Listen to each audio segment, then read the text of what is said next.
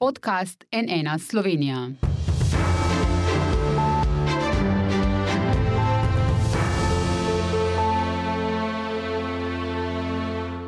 Dobr dan. Pred nedeljskimi parlamentarnimi volitvami se je civilna družba aktivirala kot še nikoli doslej. Zato smo za konec kampanje na NN pripravili tudi soočenje dveh organizacij.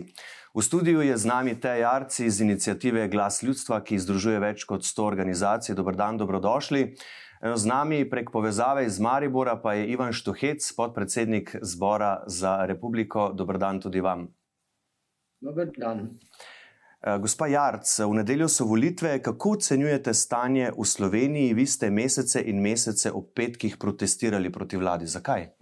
Ja, res je. Stanje zadnjih dveh let je bilo seveda neozdržno. Ljudje so že pred dvema letoma pričakovali, da bomo imeli predčasne volitve, in ko se to ni zgodilo, smo seveda torej komaj čakali te redne volitve.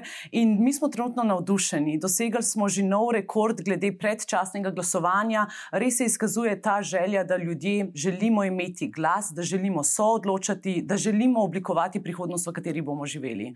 Tako da mi verjamemo, da bomo tudi po nedelji dosegli rekordno udeležbo na volitvah. Uh -huh. Gospod Štuhec, vi se s tem, da je stanje v državi neuzdržno, ne strinjate. Zbor za republiko je pred dvema dnevoma zapisal, da je sedanja vlada, citiram, v, izre, v dveh zadnjih izredno kriznih letih pokazala, kakšne možnosti in sposobnosti se skrivajo v slovenski politiki in da je v teh dveh letih Slovenija postala močnejša, v svetu bolj razpoznavna, ugledna in vplivna.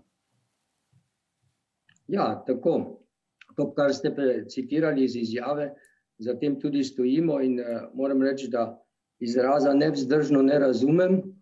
Uh, tudi, ko je šlo za vprašanje ukrepov povezavi s korona uh, problemom, uh, če primerjamo Slovenijo z ostalimi evropskimi državami, v Sloveniji ni bilo nič bistveno hujših ukrepov, marsikdaj celo bolj uh, omiljeni, kakor marsikje drugot. Tako da to pretiravanje eh, strani eh, civilne inicijative Glas ljudstva, ki je seveda samo glas eh, določene populacije v Sloveniji, kajti tudi jaz sem ljudstvo in imam svoj glas in svojega glasu ne dam temu glasu ljudstva, ker se ne strinjam z tem, da se z nekimi tovrstnimi parolami kar na nek način posvoji vse ljudstvo. Eh, ljudstvo seveda ima svoj glas, ko gre na volitve, in eh, kar se tiče odeležbe eh, na volitvah, bom tudi jaz vesel, če bo ta čim višja. Gospa Jarc, slišali ste, ne, da je vaša inicijativa samo glas določenih, ne vsega ljudstva in da pretiravate. Kako odgovarjate na to?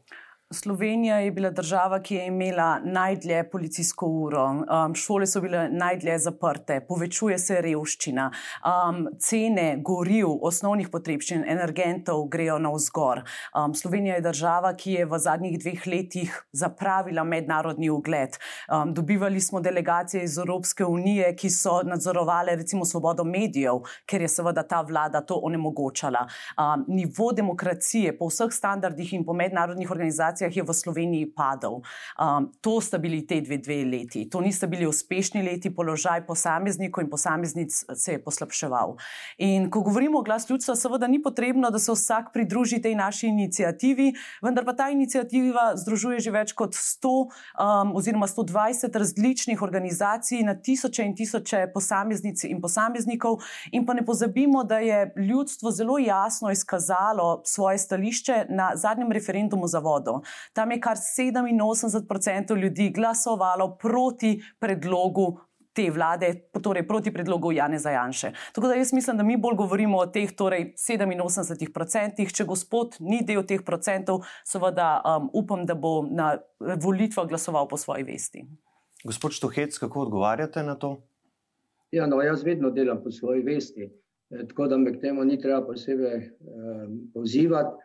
Eh, tisti referendum je bil eh, ena velika manipulacija, eh, ko sem ljudi spraševal, če bodo šli na referendum, pa zakaj, sem dobo, dobival take smešne odgovore, da mi je bilo tako jasno, da je šlo v ozadju za veliko medijsko propagando, ki je seveda nasedla tudi delo civilne družbe v Sloveniji, na čelu katere danes kot moja sogovornica, gospa Jac. Tako da okrog tega bi se dalo seveda debatirati, ampak o stvarih, ki jih je prej naštela, seveda niti približno ne držijo. Če začneva z zonanjo politiko, zonanja politika v zadnjih desetih letih je bila katastrofalna, navezovala se je na Putina, ki vidimo, kaj počne v Ukrajini, zanemarjala je svoje povezave z sosedami in z drugimi zahodnoevropskimi državami, tako da v zunanji politiki je v zadnjih dveh letih prišlo do bistvetka. Tudi ta najbolj osovraženi politik, ki ga je gospa Jarc imenovala Janez Janša, je eden izmed tistih politikov, ki ima seveda daleč največ kontaktov z drugimi evropskimi in siceršnjimi politiki po svetu, tako da to enostavno dejstva demantirajo. Zdaj, kar zadeva revščine, gospa Jarc, to je naravno smešno, da govorite o tem, da je revščina v teh dveh letih narasla, tudi ukrepi vlade, tako za gospodarstvo, kakor za posameznike, so bili take narave ves čas, da tudi najrevnejšim pomagali, dvigale so se pokojnine, poleg tega pa recimo pomoč malemu gospodarstvu v času korone je v veliki meri omogočal, da so ti sistemi preživeli in da so lahko v bistvu po času korone tudi popolnoma drugače išli iz drugačne startne pozicije, kakor pa bi sicer. Če primerjamo recimo gospodarsko krizo, ki je nastopila leta dva tisoč devet, in kako je takratna vlada reagirala in ne samo vlada, tudi vsa Evropa, popolnoma napačno, ko so se podjetja sesipala in tako naprej, vsega tega tako masovni obliki niti približno ni bilo v zadnjih dveh letih. Tako da vse te navedbe, ki jih v bistvu širi civilna iniciativa Glas ljudstva, niso resnične in ne ustrezajo dejstvem, dejstvom in so enostavno ena sama politična propaganda, ki pa seveda je imela dobršno podporo medijev, če pa že ni imela stoprocentne podpore medijev, potem pa se govori, da medijski prostor je prevzel Janša in tako naprej.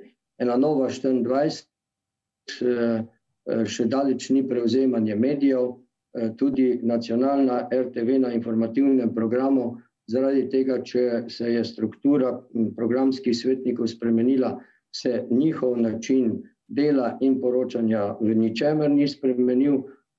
Tako da jaz enostavno seveda vsem, vsem tem, bom rekel, kvazi argumentom oponiram, ne bom vseh zdaj našteval, ker bi predolgo trajalo, in mislim, da nisem edini. Tudi ko smo slišali recimo gospodarstvenike v zadnjem času na raznih soočenjih oziroma po soočenjih, vsi so govorili o tem, da je ta vlada za gospodarstvo storila več kakor katerakoli druga.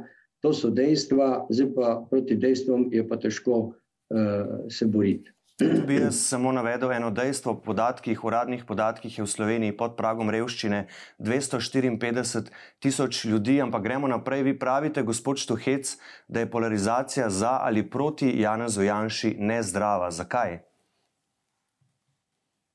Zato je nezdrava, ker se mi gremo volitve okrog osebe, namesto da bi se šli volitve okrog dejstev in pa okrog programov. Se pravi, če presojam jaz neko stranko in njeno politično delovanje, me končno ne briga in me ne zanima, kdo je njen predsednik, briga me, kaj ta stranka dela in kaj je naredila v času svojega zgodovinskega delovanja. To, kar se nam v Sloveniji dogaja s temi novimi obrazi in strankami za en mandat, to se nam zdaj četrtič ponavlja, to je seveda eklatantno rušenje demokratičnih standardov, tudi gospa Jarc in pa njena civilna iniciativa je tipičen primer tega, zato ker jaz bi si predstavljal, da bi vsi ti, ki so zdaj v civilni iniciativi tako glasni, ustanovili svojo stranko ali pa se jasno in glasno pridružili obstoječim strankam, šli na volitve in se dali na volitvah pretehtati, koliko so težki. E, sicer pa e, nima to dobenega pomena in smisla, da zdaj kot civilna inicijativa e, delajo tako rekoč volilno propagando, e, namesto da bi to počeli kot stranka. In tu je ravno nek ključni nesporazum med tem, kako razumemo Eh, politični sistem, v katerem je strankarski sistem ključnega pomena za obstoj demokracije, civilna inicijativa pa ima seveda absolutno kritično vlogo eh, tudi v mestnem obdobju, eh, vendar ne na ta način, kot so počeli tudi tako imenovani kolesari v Ljubljani, ki so od prvega dne naprej protestirali proti legitimno izvoljeni vladi in pa proti legitimno spostavljeni koaliciji ki je pač vodil Janez Janša. Eh, gospa Jarc, kako odgovarjate na ta izziv? Gospod Štohec pravi, zakaj ne ustanovitve svoje stranke ali se pač pridružite kakšni od obstoječih, ki jih podpirate? Ja, presenetljivo se celo strinjam z gospodom, da imamo torej zelo drugačen pogled na to, kako vidimo demokracijo. Po našem mnenju demokracija vključuje ljudi. In to ni samo naše mnenje, to pravi celo naša ustava. Oblast ima ljudstvo, ne torej zgolj stranke. V zdravi demokraciji je civilna družba sestavni del torej tudi procesa odločanja. In zato mi verjamemo, da ni potrebno ustanoviti nove stranke ali pa se pridružiti obstoječi stranki, zato da bi lahko soodločal o svojem življenju. Zdrava družba ima močno in aktivno civilno družbo, ki torej prenaša ta sporočila tudi do strank oziroma odločevalcev. In um, predvsem glas ljudstva je zelo jasen primer tega, kako smo želeli sodelovati z vsemi strankami. Mi smo vse stranke, ki so kandidirale, povabili, da se opredelijo do 138 zahtev. Tudi jaz bi se želela bolj pogovarjati o vsebini, o programih stranke, ne pa se pogovarjati o Janezu Janši, ki nam kroji in neti prepire že zadnjih 30 let, ampak smo res želeli torej govoriti o vsebini vendar pa se konkretno stranka Jane Zajanša in trenutne koalicijske stranke niso odzvale naši inicijativi. Niso se opredelili do 138 ključnih vprašanj, ki so jih identificirali ljudje, na podlagi česar bi se torej lahko bolj informirano odločili, koga bi volili. Tako da, um, kar počne inicijativa Glas ljudstva, je torej informiranje volilk in volilcev o tem, kaj so različna stališča strank, o tem, kdaj so volitve, kako se odeležiti volitev in seveda, kaj pomeni demokracija v najširšem pomenu. Um, morda samo še za razjasnitev tega. Ta vlada, ki nam trenutno vlada, ni bila demokratično izvoljena. Janez Janša ni dobil mandata. Ta vlada je nastala kot torej neko prodajanje glasov. Volil... Bila je izvoljena v parlamentu. Poslanci so dali svoje glasove za to vlado. Vendar, recimo, standardnih postopkih izvoljena. Recimo pri vladi Janezu Janša se je pridružila stranka SMC, ki je pred volitvami, pred letom 2018, na vseh volilnih soočenjih povedala, da nikoli ne bi šla v vlado Janeza Janše. In potem je dve leti kasneje izdala vse svoje voljivke in volilce. Zato so tudi izgubili popolnoma celotno bazo, zato so izgubili poslance. Enako je bilo z Desusom. Torej, stranke so se iz enega dneva v noč, ko so bili v nekako levo-sredinski vladi, so obrnile ploščo in šle v desno-sredinsko vlado. Zakaj? Samo zaradi lasnih interesov. Zato, da so obdržali svoje sedeže, zato, da so obdržali svoje privilegije. Gospod Štehec, protestirali ste, izvolite. Ja, zato, ker eh, tako govorjenje je seveda mimo vsake realnosti. Zdaj si vi predstavljate začetek eh, izbruha korona krize, eh, mi pa bi imeli takrat volilno kampanjo in podobne stvari vsi poslanci in vse stranke, ki so bili izvoljeni pred štirimi leti, so timno izvoljeni. Eh, in eh, če je prišlo vmes do kakršnih koli eh, teh sprememb, o katerih je gospa Jarc govorila, se je to parlamentu vedno dogajalo. Sej, ni to prvič, da so se koalicijske kombinacije spreminjale in to je tudi na nek način v vsaki demokraciji popolnoma legitimno. Tako da govoriti o tem, da ni šlo za legitimno vlado, Eh, je zelo deplasirano govorjenje. Eh, moram pa tudi seveda absolutno protestirati, da je Janez Janša človek, ki 30 eh, let v tej državi dela samo slabo. Janez Janša je eden od osamosvojiteljev.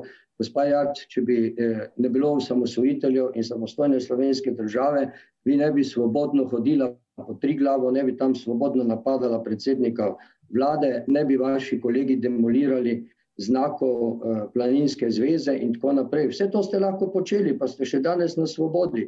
Jaz ne vem, zakaj se čutite tako ogroženega. In eh, zakaj Glejte, tako napadate nis... neko vlado, ki vas ni strpala v zapor? Putin bi vas zdaj že imel davne v zaporu. Ja, zdaj moramo biti skoraj da veseli, da Janez Janša ni tako kot Putin. Kljub temu, da je Janez Janša počel popolnoma enake zadeve, kot jih je počel Putin. Uh, Janez Janša je iz trga republike odvlekel ljudi, ker so brali ustavo. Enako se je zgodilo v Rusiji. Janez Janša je kaznoval protestnike in protestnice, zato ker smo izražali svoje mnenje. Ne, niso me strpali v zapor, sem pa dobila za več kot deset tisoč različnih kazni, ker je Janez Janša želel sankcionirati proteste in je moglo ustavno sodišče poseči v to in seveda ustavno razsoditi, da je pravica do protesta osnovna človekova pravica in mora biti zavarovana tudi v času korone. Tako da na srečo še imamo neodvisno ustavno sodišče, vendar pa je Janez Janša počel vse, dve leti počel vse, da bi torej uničil demokracijo, uničil vladavino prava in torej kršil pravice vsem, ki smo kritični. In vseeno je naša pravica, da smo kritični in da to izražamo. Preganjanje ja, protestnic in protestnikov um, ja. se v demokratični družbi ne dogaja, in nažalost je bila ta demokracija okrnjena. Seveda se dogaja v vseh demokratičnih družbah. Če bi malo pogledali čez mejo, dosti krat protestnike policija v Franciji, pri Makronu, pa v Holandiji, ki velja za liberalno državo, vlači protestnike z ceste, zato ker so protesti nenajavljeni, zato ker so nasilni in podobne zadeve. Tudi to se je dogajalo v Sloveniji. Tako da vso to pretiravanje, ki prihaja z vaše strani, eh, nima eh, dobene realne osnove. Vi, če bi proteste vsakokrat prijavili, vam nišče nič ne bi moglo, policija bi vas zaščitila, stvari bi mirno potekale in konc. Ne se govori, da branje ustave je bilo preprečeno. Ni res, da je bilo branje ustave preprečeno. Preprečeno je bilo vandaliziranje pred in po takih dogodkih. Gospod, 27 ljudi je sedelo na trgu republike in mirno. Če bi tam brali ustavo, bi pač brali ustavo, pa vas nišče ne bi pri tem oviral. Gospod, 27 ljudi je sedelo na trgu republike in mirno brali ustavo. Nobenega vandalizma ni bilo. Petkovi protesti nikoli niso bili nasilni in ničesar niso poškodovali. In tega tudi policija ne očita. In tudi ne gre za to, da bi morali biti protesti prijavljeni, ker je ustavno sodišče in upam, da ne mislite, da ste vi nad ustavnim sodiščem reklo, da so ne, tudi spontani shodi dovoljeni in morajo biti zavarovani. In da ne le, da je naloga države, da jih dopušča, temveč jih mora aktivno braniti pred drugimi posegi. Tako da ustavno sodišče je bilo tukaj jasno, samo trenutna koalicija uh, želi izvajati represijo. Gospa Jarc, bili ste deležni očitkov, da se greste volilno kampanjo in da bi morali odpreti volilni račun. Pravite, da so vam tudi na pristojnem ministrstvu za javno upravo rekli, da to ni res. Kako se torej razlagate te očitke? Gre za ponovni napad na civilno družbo. Um, absurdno je, da si trenutna koalicija ali pa sam predsednik vlade ne želi povišati volilne udeležbe. Vse, kar mi počnemo, je torej, da volivke in volilce informiramo, da jih spodbujamo, da torej praznujejo volitve, da se udeležijo teh volitev. In seveda tukaj ne gre za kampanjo za eno ali za drugo stranko, ampak gre za promocijo volitev. In kot rečeno, ponovno je ministrstvo se moralo tega tega opredeliti, um, zato ker enostavno ta vlada želi diskreditirati vsakogar, ki se bori za demokracijo in za svobodo. Gospod Štuhec. Naj to komentiram. Prosim, ja, glede na to, da je tudi ne, Ministrstvo za javno upravo reklo, da, da s tem ni težav. S čim? S tem, da inicijativa Glas ljudstva pač poziva ljudi na volitve in da zato ne Seveda, bi potrebovali. S tem ni nobenih težav. Če bi oni samo pozivali k volitvam, s tem ne bi bilo dobenih težav. Ampak oni zelo jasno pozivajo tudi k strankam, katerim je treba eh, dati glasove in se z njimi fotografirajo zadnje dni in podpirajo in tako naprej. Glejte, eh, pa se nismo po župi pripravili da bi verjeli temu, da je civilna inicijativa zdaj popolnoma nedolžna in politično neopredeljena in tako naprej. Se tudi iz tega, kar gospa Jačeva več čas govori, eh, eh, je zelo jasno, eh, za koga predira in proti komu je nastrojena. Zbor za republiko seveda zagovarja stališče od vsega začetka in bo zagovarjal tako dolgo, dokler bo obstajal, da so pomladne stranke tiste stranke, ki so uveljavile demokratične principe v svetu, zato jih je treba podpirati. zato ker so nastale kot demokratične in netotalitarne stranke, medtem ko so nekatere še obstoječe stranke v Sloveniji naslednice totalitarnih. In to, kar danes gospa Jarčeva govori, pa tudi več čas, kar poslušamo od te civilne inicijative, to je neke vrste anarhizem in iz eh, anarhizma potem lahko preidemo v revolucijo in v razredni boj, ki smo ga že enkrat videli in za katerega se lahko zahvalimo, ker vemo, kaj je povzročil. Tako da eh, mislim, da tu je popolnoma jasno, da smo na popolnoma drugih izhodiščih razumevanja demokratične družbe in jaz verjamem, da slovenski volilec eh, ne bo sledil temu, kar eh, oznanja ta civilna inicijativa in da bo sledil temu, kar je skozi 30 let uh, izkušnje o demokraciji se uveljavilo v Sloveniji kot pravna država in kot država neke urejenosti, reda, blagostanja in pravičnosti. Ampak tudi iz vašega sporočila, gospod Štuhec, in iz tega, kar pravite, je moč sklepati, za katere stranke bi po vašem ljudje morali glasovati. Tudi iz vašega sporočila, zdaj bom citiral: glasujmo, glasujmo za tiste, ki ja. so dokazali sposobnost voditi državo tudi v kriznih razmerah. To, je, to se nanaša lahko samo ja. na, to, na, to, na stranke aktualne koalicije. V čem je torej to, kar počnete vi, drugače od ja, tega, ja. kar počne Gleda. inicijativa Glas ljudstva? Ja, drugače je v tem, Eh, kakšne metode vse oni uporabljajo. Mi smo dali eno samo izjavo, oziroma dve. Ne? Eno izjavo smo dali 4. aprila in drugo sedaj, eh, tik pred volitvami. Eh, obe izjavi se bolj ali manj dopolnjujeta. In to je vse, kar smo mi naredili. Medtem ko pri civilni inicijativi gre za pravi politični aktivizem, več čas, tudi tiskanje določenih Eh, sporočil, eh, potem zdaj koncert in podobne zadeve. Tu se tudi lahko vprašamo, odkot civilni inicijativi vsa ta sredstva. Zbor za republiko nima dobenega denarja, da bi se približno lahko nekaj takega šlo. Tako da eh, zbor za republiko je reven kot crkvena miš.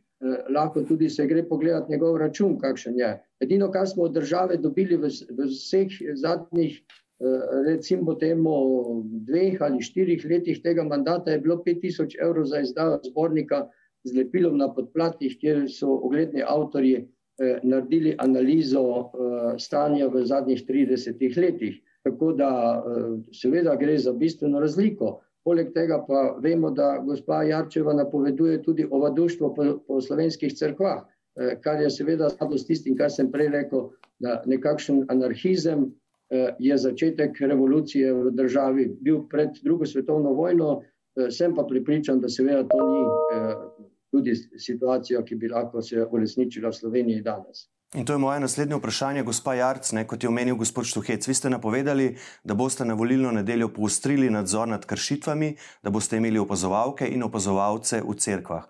To pa je zmotilo tudi predsednika Gibanja za otroke in družino Aleša Primca, ki je zoper vas uložil kazensko ovadbo zaradi, citiram, javnega spodbujanja ali razpihovanja sovraštva, nasilja in nestrpnosti, ki temelji na verski pripadnosti. Kako odgovarjate? Ja, res je. Nam je izjemno pomembno, da je volilna kampanja poštena in da je v skladu z zakonom. Če torej prihaja do kršitev volilne kampanje, želimo, da se ukrepa. Zato smo pozvali Državno volilno komisijo, da seveda te kršitve preizkuje, saj so se na nas obrnili sami verniki, ki so v času velike noči šli v crkv in potem tam poslušali očitke oziroma nasvete, koga morajo voliti, da bodo pravi kristijani. Torej, samim vernikom ni všeč, da prihajajo pridejo v cerkve, seveda nekim drugim namenom, potem pa se jih manipulira oziroma se jim sugestira, koga morajo voliti.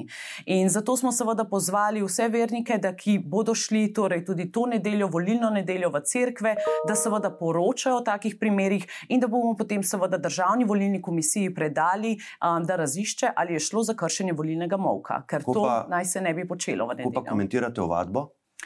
Ovadba, pa ne vem, res nisem bila seznanjena s tem. Mislim, da bo šlo še za en način pritiska, tega se poslužuje ta vlada.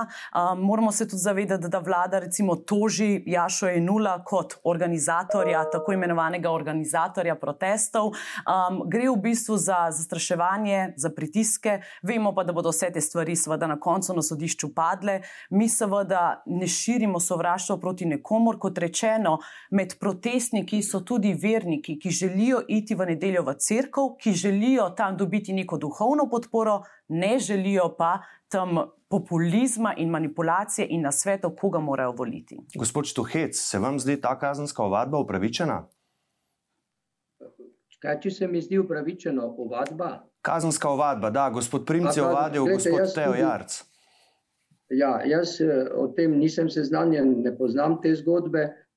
Uh, gospa Jarc bi se morala zavedati, eh, da imamo verniki v Sloveniji, seveda z eh, ovaduštvom iz prejšnjega sistema, zelo slabe izkušnje, eh, da je pred leti, recimo, profesor Lukšič poslal tudi svoje študente v cerkve in se je potem to zvedelo, ki so verjetno delali neko seminarsko nalogo, ampak to bi se recimo moralo narediti tako, da se tudi crkvene oblasti o tem obvesti in da se dobi dovoljenje za to, da se lahko vstopi na ta način uh, v crkveni prostor in se tam potem na osnovi tega dela neka analiza. In zdaj smo spet priče temu, uh, da bo nekdo pošiljal ovaduhe, uh, ki bodo poslušali, kaj bodo duhovniki v nedeljo pridigali. Zdaj, gospod Jarčeva, najbrž z crkvijo nima veliko stika. To sklicevanje na vernike je po mojem, lažje fari, ne, bolj ali manj. Uh, ampak bi predlagal sledeče, ne, gospod Jarc, pridite v nedeljo k maši, nedelja Božjega vse. Če mislite, da so vsi drugi grešni, samo vaša inicijativa ni grešna, boste dobili delo Božjega usmiljenja, blagoslov od vseh duhovnikov uh, na koncu maše in boste šli veselo na volišče. Eh, takih postopkov, kakršne ste pa napovedali, pa vam svetujem, da se v bodoče eh, izogibate, zato ker to preveč diši po totalitarnih metodah, eh, ki jih vi tako radi očitate nekomu drugemu. Gospod, to diši po zakonu, ki določa volilno kampanjo, in to diši po ustavi Republike Slovenije, ki določa, da je crkva ločena od države. Ne gre za nobeno vladštvo, gre za izpoved vernikov. In ne boste verjeli, tudi jaz, recimo, ja. imam upravljene vse zakramente do sedaj in imam torej izkušnje s crkvo in vem, kaj se tam govori, in morda bom šla v nedeljo v crkvo, potem pa bom seveda glasovala tako, kot bom ja želela. In ne boste verjeli, da tudi verniki so med protestniki, tudi verniki so seveda lahko dobri kristijani in se vseeno zavedajo, da ta oblast krši človekove pravice. Tako da ne bodite nesramni in ne metati vse v isti koš in se pretvarjati, da verniki ne morejo voliti za kakršno koli drugo stranko, kot so pa trenutne vladne, stranke vladne koalicije. Seveda lahko in prosimo, da samo ne vzpodbujate slabega občutka. To je nepravično do vseh, ki želijo biti in hkrati verni in seveda voliti po svoji vesti. In ne gre za nobeno nadzorovanje vernikov, ampak gre seveda samo za to, da se ne krši pravila volilnega molka in da se seveda torej, um, tako crkv kot vsi ostali enakopravno tega držimo in to spoštujemo. Da... To se je crkva tudi v glavnem vedno držala, gospod Jac. Ja, bi rad vedel v zadnjih 30 letih en sam primer, da je bil duhovnik obtožen. Eh, pravno močno obsojen, da je kršil volilni molk. Torej, v dosedanji praksi duhovniki eh, tega pravila niso kršili in ga tudi, sem veliko eh, prepričan, v nedeljo ne bomo. Moram pa še pač nekaj povedati. Ne? Ni dovolj, je... da imajo ljudje sakramente in da hodijo v crkvo, ampak kristijan tudi mora vedeti, katere moralne vrednote zastopa določena politična opcija. In če neka politična opcija zastopa moralne vrednote, ki pač niso eh, kompatibilne s krščanstvom, potem tisti vernik, tudi če deluje po svoji vesti, ne deluje v skladu z integriteto svojega verovanja. To je vse, kar lahko rečem. Ma pa seveda vso svobodo, da zaradi mene voli kogarkoli na tem svetu, ampak nihče od nas in tudi duhovniki v, v sedanji katoliški crkvi na slovenskem ali po svetu, nismo zato pri Maši in pri pridigah, da bomo ljudem koga natančno morajo iti voliti.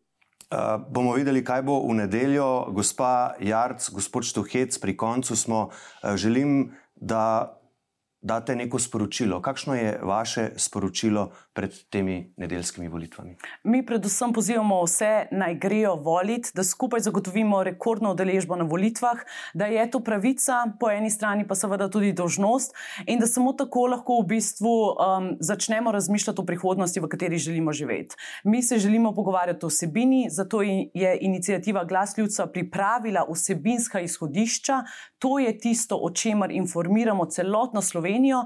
In upamo torej, da bo na koncu zmagala osebina in pa torej nek bolj pravičen, enakopraven in bolj svoboden um, svet oziroma vsaj Slovenija za vse. Ne torej samo za stranke, ne torej samo za eh, neke opcije, ampak da se bo vsak čutil sprejetega v tej družbi, ne glede na verska prepričanja, spolno usmerjenost, narodno pripadnost ali pa karkoli drugega. Gospod Štohec, še vaše sporočilo pred nedeljskimi volitvami? Ja, če se z gospod Jarčevo več čas v tem dialogu nisva strinjala, potem za to, kar je povedala, temu nimam skoraj da kaj dodati. Ne? Eh, v celoti se strinjam z temi besedami, samo eno so beseda, drugo so dejanja. Moje sporočilo je, poglejte, dragi voljivci in voljivke, kaj je kdo naredil in kaj je kdo govoril in eh, skladu s tem se odločajte.